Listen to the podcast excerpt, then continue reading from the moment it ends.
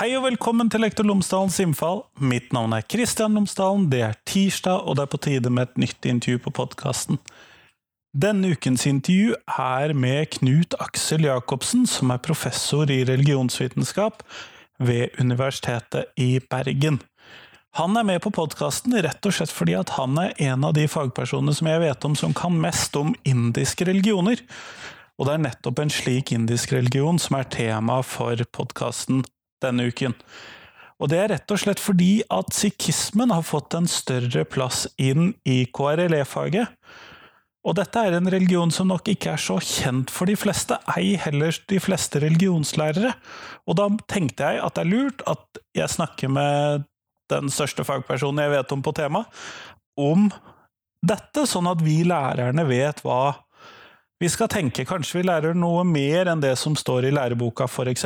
Hvis i det hele tatt læreboka vi bruker, eller de læreverkene vi bruker, har noe om psykismen fra før av. Vi snakker både om psykismen generelt, men også om psykismen i Norge. Så det tror jeg er interessant.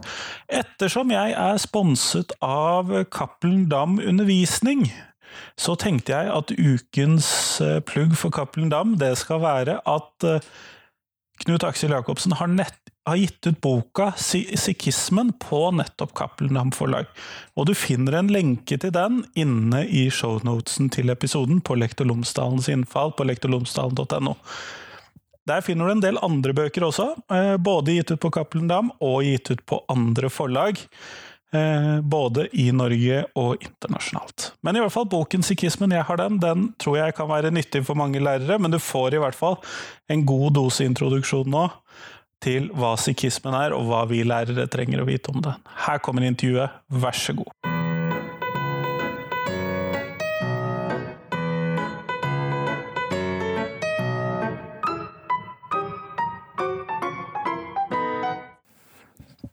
Knut Aksel Jacobsen, tusen takk for at du har tatt deg tid til meg i dag. Bare hyggelig. Før vi starter selve intervjuet, kunne du fortalt lytterne mine tre ting om deg selv, sånn at de kan bli litt bedre kjent med deg. Ok, så Jeg er professor i religionsvitenskap ved Universitetet i Bergen. Jeg er spesialist på religioner i India. Og jeg har utgitt rundt 30-40 bøker om, om dette emnet. da. Det bærer bokhylla mi hjemme preg av. Det gjør den. Eh, for du har jo gitt ut bøker om de fleste av disse sørøstasiatiske religionene. Sørasiatiske. Sørasiatiske, ja. Mm, mm. Eh, ja. Men grunnen til at vi snakker sammen i dag, det er fordi at sikhismen har nå kommet inn som en sånn fast religion på læreplanen for KRLE-faget. Mm. Før så var den ikke nevnt, men den var nok mm. oftere med enn en del andre. Men den, nå er den kommet med som en sånn fast oppramsing. Ja. Og det tror jeg da ikke er den religionen som den gjengse KRLE-lærer kan mest om. Jeg lærte i hvert fall ikke mye om den selv når jeg gikk på barneskolen. Mm. Og da, det som jeg lurer på er, hva, trenger, hva er det mest sentrale tingene vi som religionslærere trenger å vite om sikhismen når vi skal dra den inn i klasserommet? Mm. Det er jo et veldig stort spørsmål. Det er det. Så, for, men sikhismen er jo på en måte en litt obskur religion. Fordi eh, nesten alle som tilhører religionen, har slektsbakgrunn fra Punjab i India. Eh, så den er, er spredt til hele verden og har rundt kanskje opp mot 20-25 millioner som identifiseres med den. Da. Men uh, den har på, på, en måte Den er en etnisk religion, uh, stort sett. da. Det er uh, unntak, og det finnes også vestlige konvertitter. da. jeg liker jo å ta en, forstå ting gjennom historie. da.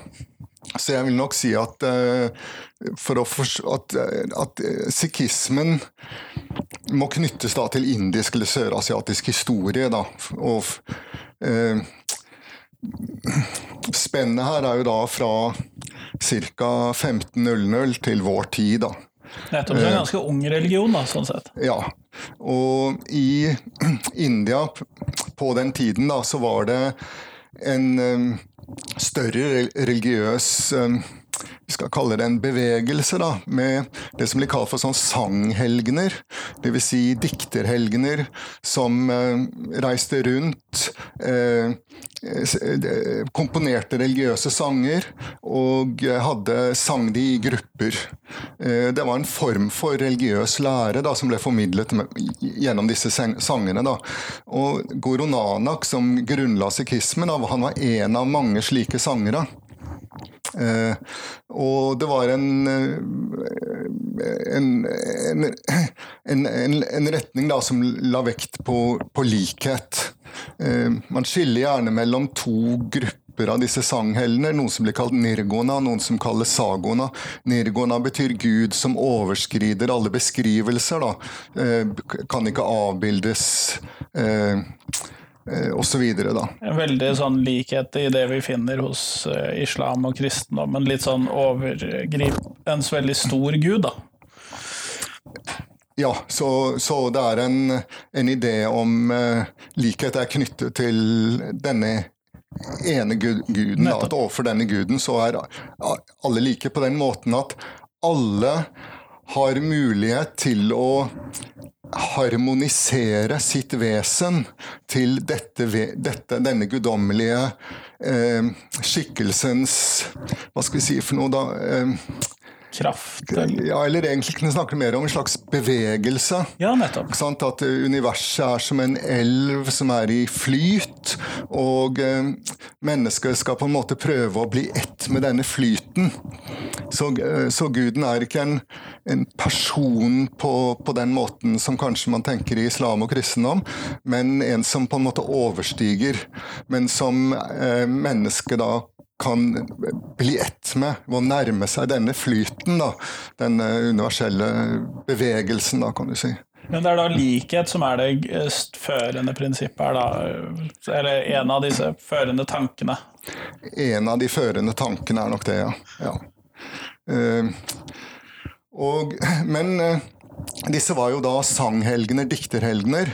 Så denne guddommen på en måte han, I noen mennesker så kommer på en måte denne disse lydvibrasjonene til dette høyeste vesen ut som diktning. Eh, og satt til musikk. Så det er på en måte en, en åpenbaring her som er eh, sang eh, musikk. da. Slik at eh, sikhismen er også en slags mystikktradisjon knyttet til mu musikk. da. At når eh, disse eh, ti guruene deres de er på en måte tenkt å komme i harmoni med denne guddommelige flyten, og da kommer det diktning satt til musikk ut, som de regner som da eh, gurbani, dvs. Si ordene til denne høyeste guddommen. Da. Så selv om det bare er lydvibrasjoner, så kommer det ut som menneskelig språk da, hos disse ti, ti guruene. Da.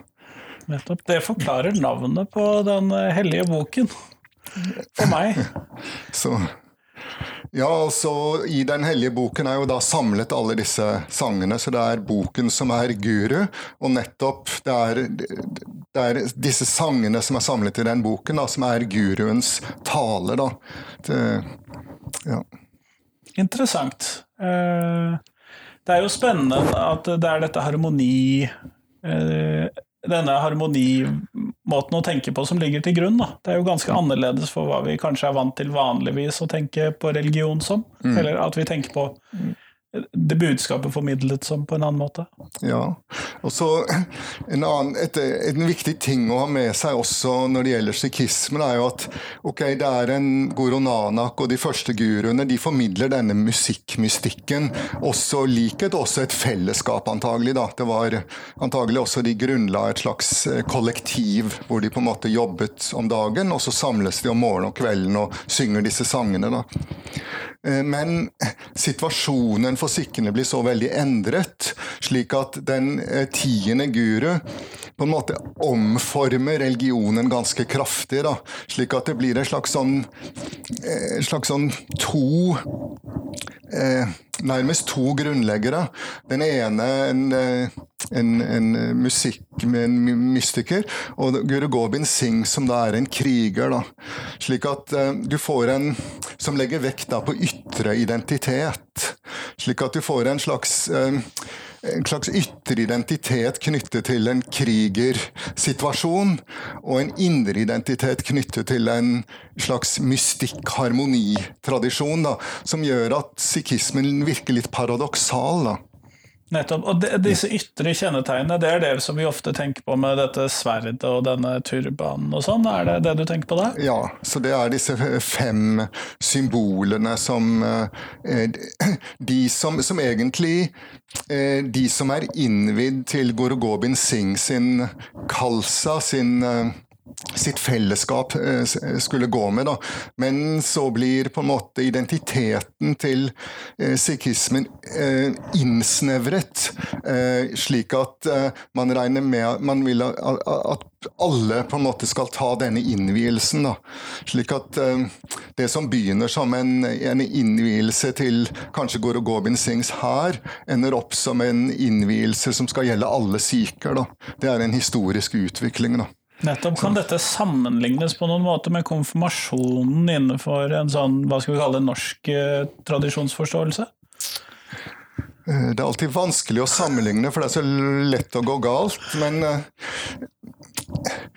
det, kan være det. det. kan være det. Det er en, en, en slags personlig avgjørelse om å, om å liksom følge religionen tettere, da bli en, så, Sånn sett ligner det jo på konfirmasjon, hvor man på den ene siden er født som sikh, men når man blir en kalsa-sikh, så tar man en avgjørelse om at man skal leve veldig korrekt etter eh, reglene til kalsaen. Da. Men det er langt fra en uproblematisk sammenligning, skjønner jeg? Ja, Det er alltid vanskelig å sammenligne fordi man vet ikke helt eh, jeg er ikke spesialist på kristendom, så derfor så er det vanskelig for meg å, å man, kan, liksom, man, kan, ikke gå ut ifra at man kan religioner som man ikke er ekspert på. Da. Nei, og det er jeg nok helt enig med deg og det tror jeg er et uh, godt utgangspunkt. Men, og dette er jo noe av det som jeg har lyst til å spørre deg om. fordi at det, Når vi da har religionsfag i norsk skole, så har vi jo veldig ofte et luthersk utgangspunkt for det faget. Uh, og at det settes opp som kristendommen med stor K, og det danner ofte basisen for alle de sammenligningene vi gjør. Dette er nok til dels ubevisst. Jeg tror ikke det er eh, sånn at vi får beskjed om det eller planlegger å gjøre det, men jeg tror det ofte er sånn. Og da er jo denne gurutanken og disse ti guruene fremstår i hvert fall for meg som at jeg tror at det kan være litt fremmed for veldig mange religionslærere. Og hvordan skal vi forstå og forklare disse guruene til elevene når vi har dette utgangspunktet? Okay, med forbehold da, om at ja. jeg ikke er ekspert på kristendommen, så vil jeg jo si det at Jesus var jo en guru som forkynte til sine disipler. Nettopp. Så, og han ble senere regnet som en del av guddommen. Slik at på en måte kan du si at det er ganske slående likheter. At Guru Nanak han er en, en guru, han har sine disipler, og disse disiplene regner han så for å være en manifestasjon av denne guddommen. Uh, nå i, i uh, sikhismen er det jo ti av disse, så det er ikke, de er ikke noen frelseslære knyttet til det samme slik som Jesus var. Men den, det var jo kanskje en omtolkning av Jesus som foregikk utenfor den konteksten som Jesus faktisk virket i. da, Hvor han kan fremstå som en vismann som samlet disipler. da. Så, så egentlig er det ikke så forskjellig, tenker jeg. Men eh, en annen sånn ting man kan likhet man kan trekke her mot denne ideen om guru, da, er jo at eh, i vestlige land da, så har man jo en voldsom dyrkelse av enere.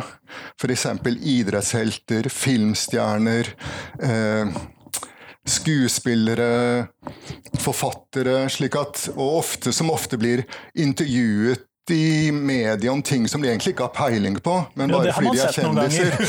ja. Sånn at denne ideen om, om, eh, om eh, på en måte den om en slags tilbedelse nærmest av unike individer og som blir opphøyet over andre osv. Og, så og som folk blir helt sånn starstruck når de ser, da, det er en slags universell nærmest en universell eh, ting, tror jeg. Dette er kanskje mer relevant når man snakker om hinduguruer, eh, men eh, Men det kan også trekkes inn, eller brukes som en prøve og en måte å forstå guruene på, da, kanskje? Ja, at de var eh, på en måte unike individer som sikkert hadde helt spesiell karisma. De var flinke poeter, de var gode ledere. Eh,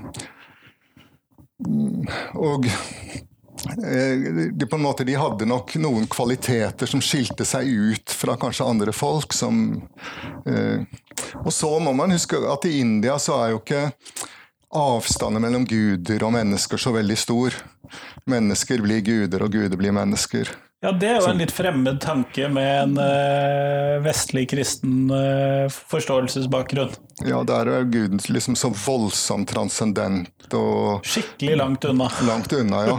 Mens uh, i en indisk kontekst er, er på en måte forskjellen mellom dyr og mennesker er mye mindre enn i Vesten, hvor den er ofte et slags sånn absolutt, og også mellom guder og mennesker mye mindre. da.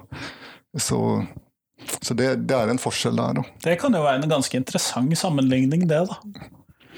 Så, så, sånn, uh, hvis jeg skal tenke litt på det. Men det er jo ja. en av disse uh, guruene som skiller seg litt sånn ekstra ut fra de andre, er det ikke det?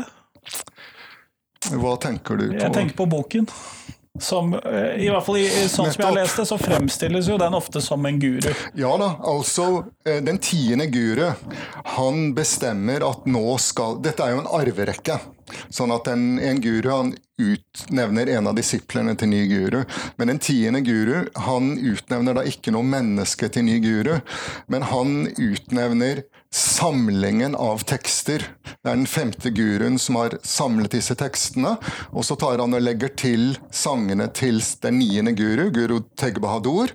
Og så sier han at nå dette, fra nå skal dette være guruen. Da.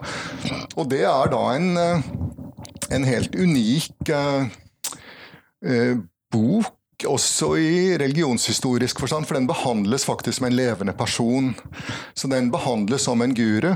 Og i alle templene til sikken, altså gurudwaraene, så er det eh, boken som er den den hellige gjenstand som tilbes.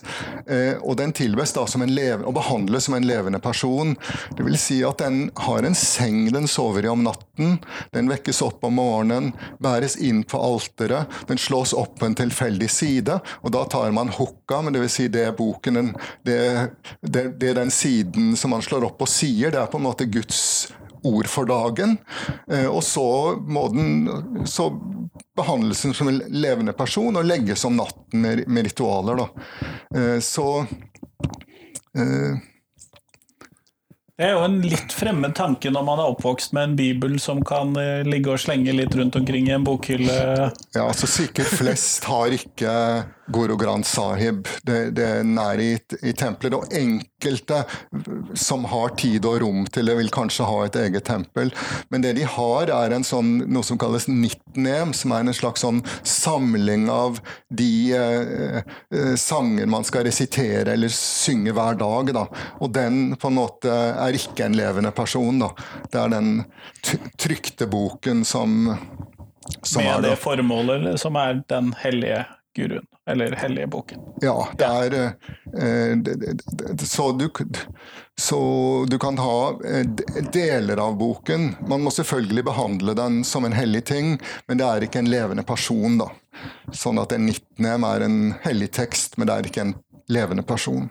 Nettopp, nettopp. Det er jo eh, ganske forskjellig, da, sånn som jeg oppfatter det. Men, mm. og det, dette er jo en ting, for Du snakket jo om det, sikhismen som en sånn regional religion, kommer fra Punjab. Mm. Men vet vi noe om hvordan sikhismen i Norge skiller seg fra sikhismen i India eller Punjab eller andre steder?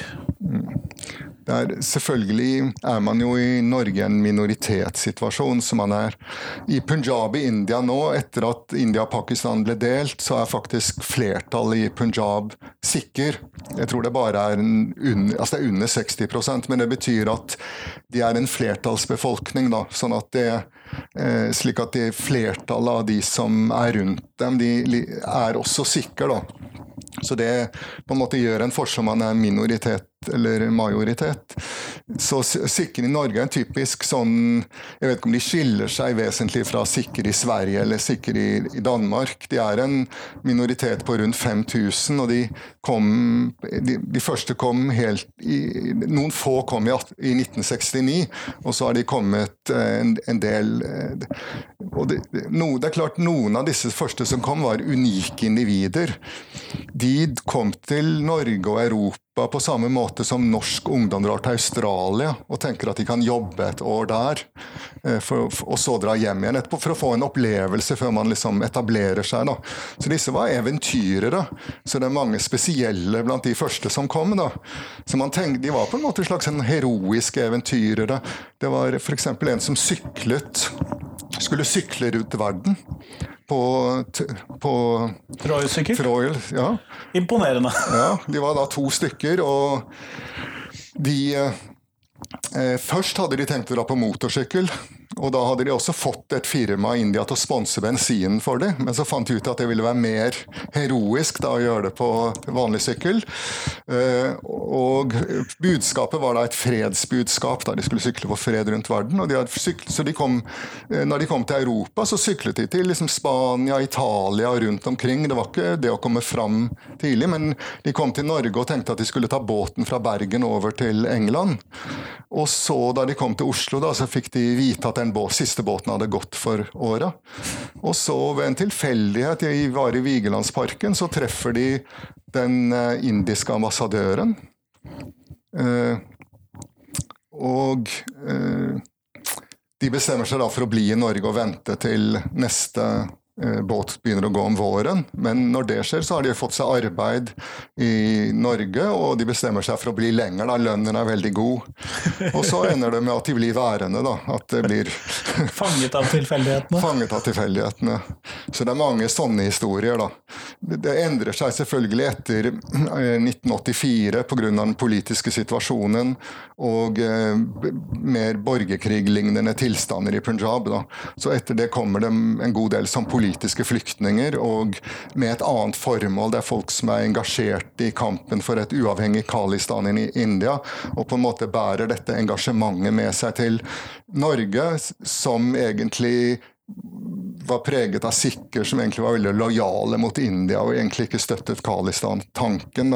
Så det ble en, en, del konflikter da i sikh-miljøet pga. dette, da, men de er på en måte over nå for, for, for lenge siden. Da. Hva trenger vi å vite om denne uavhengighetskampen? Er det noen sånne særtrekk som du ville trekke fram der, som vi bør i hvert fall ha en viss pekepinn på, som lærere? Ja, det er nok viktig å tenke på at, at, at sikkene også eh, på en måte er også et samfunn, da, det kan, og det kan være en, en, en poli, et politisk fellesskap. da. Ehm, og at eh, det var Altså, sikhene hadde et rike under en som het Ranjit Singh, etablert i 1799. Og, det var, og det var britene som på en måte erobret Punjab, så de tok det fra denne sikh-herskeren. da. Eh, og sikhene fikk jo det aldri tilbake igjen. Eh, det ble 1839 tok britene det, og 1849 den endelige krigen. da. Slik at det er et minne om at de hadde en, var en, liksom en uavhengig nasjon da, i, i sånn, når det overføres til moderne språkdrakt. da. Vi hadde dette, som vi mistet. Ja, og dette er jo flere Det er parallelt med eh, disse Sri Lanka-tamilene, som også hadde et kongedømme i nord som på en måte ble Eh, hvor kolonihistorien endte opp med å legge det under en Sri Lanka-nasjon. Så de på en måte mistet også, også det kongedømmet de hadde. da. Sånt er noen så, klare paralleller her, altså? Ja. Så India er jo liksom en samling av et enormt mange områder, egentlig. Det var eh, så det, så det, ble underlagt nye nasjoner, egentlig. da. Eh, jeg tror nok Khalistan-tanken har lite støtte blant eh, sikre i Norge. Altså, det finnes selvfølgelig enkelte, men generelt kan man si at den ideen har på en måte ikke er viktig for, for, for sikkene i Norge, vil jeg si.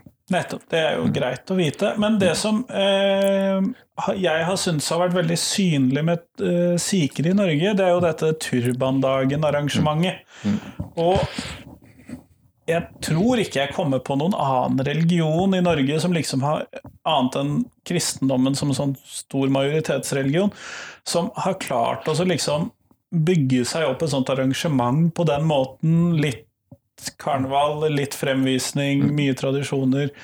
Så hvorfor tror du at de har lykkes så godt med dette arrangementet? For det er jo litt spesielt. Ja, men de har hatt noen veldig dyktige enkeltindivider. Så det har vært en generasjon som ja, var unge rundt 2000-tallet, og som har vært i ledelsen av dette her, som har vært veldig dyktige. Så, og de har tiltrukket seg andre også. Deres på en måte engasjement har smittet over. Da. Eh, og turbanen er en, en viktig ting for sikkene, fordi det gjør dem så synlige. Da. Eh, og det har vært det er et dilemma da for I sikhismen er det jo mennene som fremviser religiøs identitet. Da. Og da blir det et det er jo det med Kalsa-reglene som vi snakket om. Ifølge Kalsa-reglene skal eh, man ikke klippe håret. Og eh, fordi man skal arbeide, så må man da eh, krølle det, binde det sammen. Så det ikke det blir jo ganske langt etter hvert. Ja, og så må man kle det med en turban. Da. Så det er en Kalsa-regel. Så disse har følt at for å gjøre det lettere for sikk, eh, sikre i Norge å følge Kalsa-reglene, så vil de gjøre eh, på en måte turbanen til et symbol på noe flott. da, og ikke, ikke, noe som man må skamme seg over. og De første sikkene som kom til Norge, hadde jo ikke turban. Og veldig mange av de som eh, At folk Turbanen går litt av og på. Så hvis man treffer en eldre sikh-mann som går med turban i en gorodwara, så er det jo ikke sikkert han går med turbanen til daglig, det er et festantrekk kanskje. Eller han gikk kanskje ikke med turban de første 50 årene i sitt liv. Da. Så, det er, så det, er et, det er et forsøk på, på en måte å, å gjøre turbanen til et, et liksom litt tøft og, og, ungdommelig og flott. Istedenfor farlig. Når jeg gikk på skolen, i hvert fall barneskolen, så tror jeg de trakk fram turban som en sånn muslimsk ting. Det var jo selvfølgelig en kjempefeil, men mm.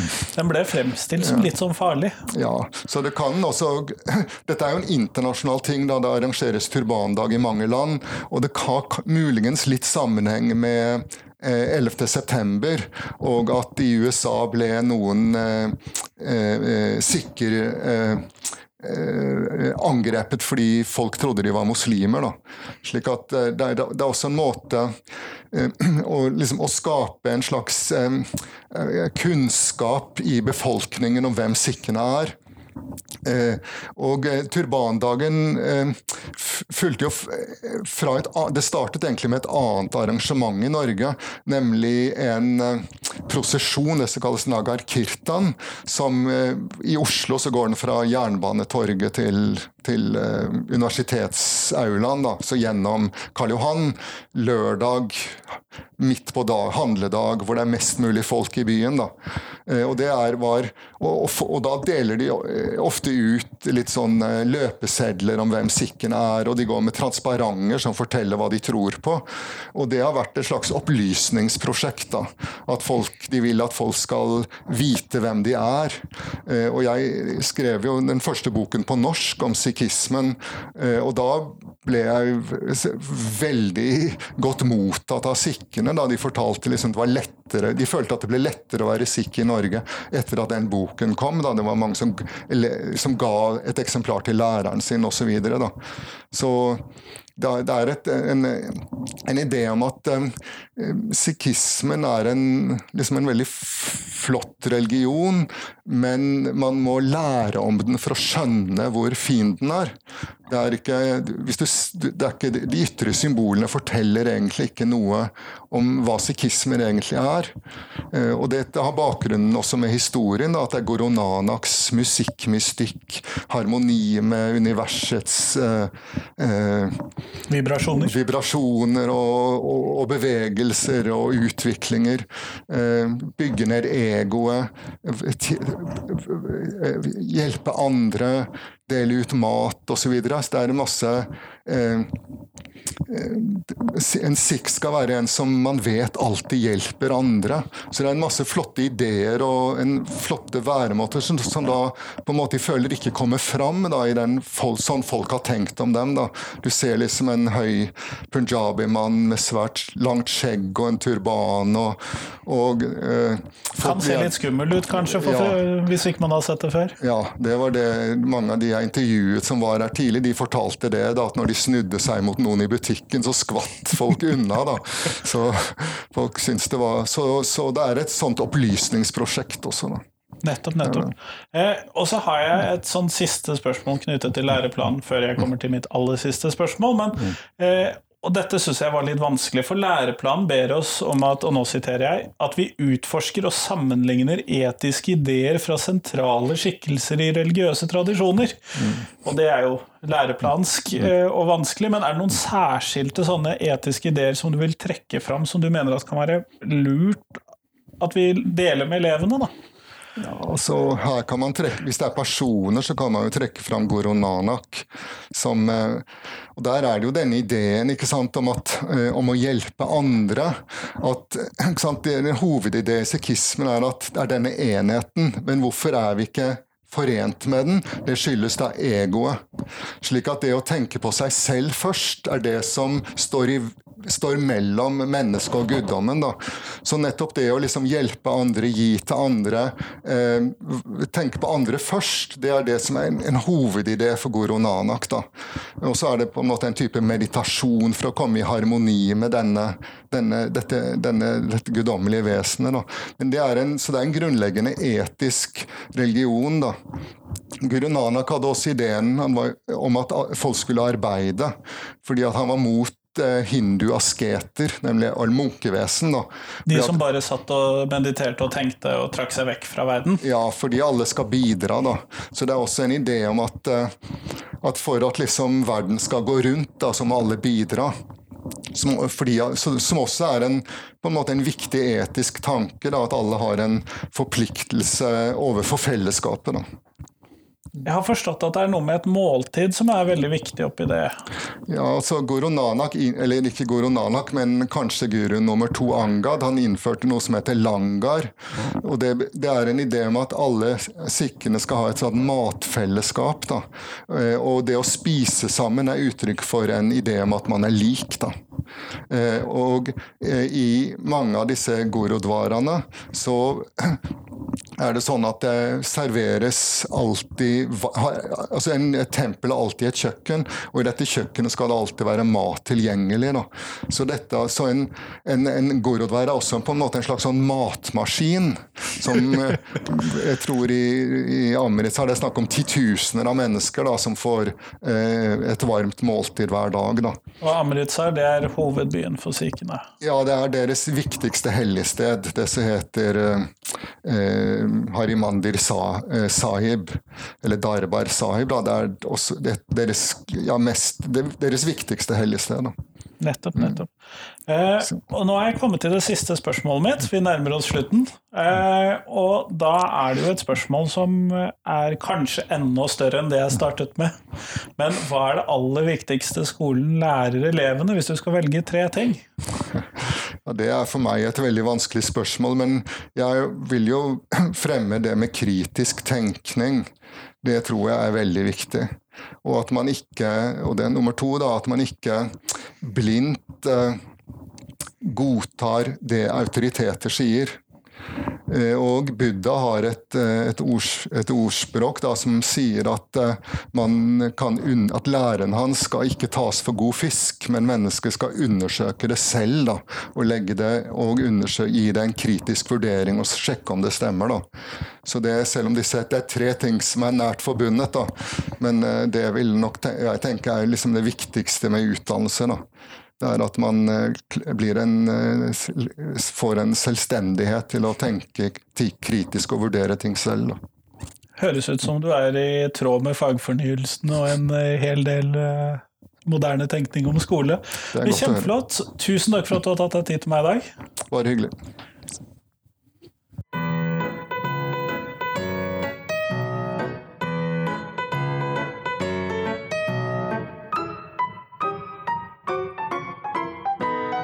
Takk til Knut, og tusen takk til deg som har hørt på. Nå er det noen dager igjen til neste podkastintervju. Jeg slenger ut et nytt intervju denne fredagen også, og så skal jeg slutte med de doble episodene. I hvert fall for en stund fremover. På fredag så kommer intervju med rektor Kjartan Navarsete, som er rektor på Møhlenpris skole i Bergen. Det er en barneskole, eller et såkalt oppveksttun. Og i Bergen så betyr det at det er skole blandet med barnehage i en eller annen forstand. Og da kan det enten være en eh, ungdomsskole blant med barnehage, som Gimle oppveksttun, eller en barneskole blant med barnehage, som Møhlenpris oppveksttun. Så da er det klart for dere, i hvert fall. Men intervjuet med Kjartan det kommer på fredag. Eh, Det tror jeg du kan glede deg til. Eh, Fram til da så håper jeg at du kan dele podkasten min med noen som du tror vil sette pris på den. Det blir jeg utrolig glad for. Jo flere som får høre om podkasten, jo flere hører på podkasten. Og jo gladere blir jeg for at alt dette interessante som jeg får lære i disse intervjuene, blir spredd videre. Det syns jeg er utrolig gøy. Ellers så får du ha en god uke videre. Hei, hei.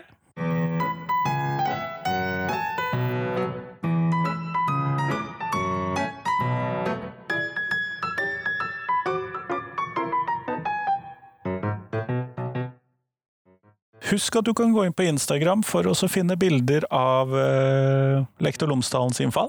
Så kan du se litt hva jeg driver med der.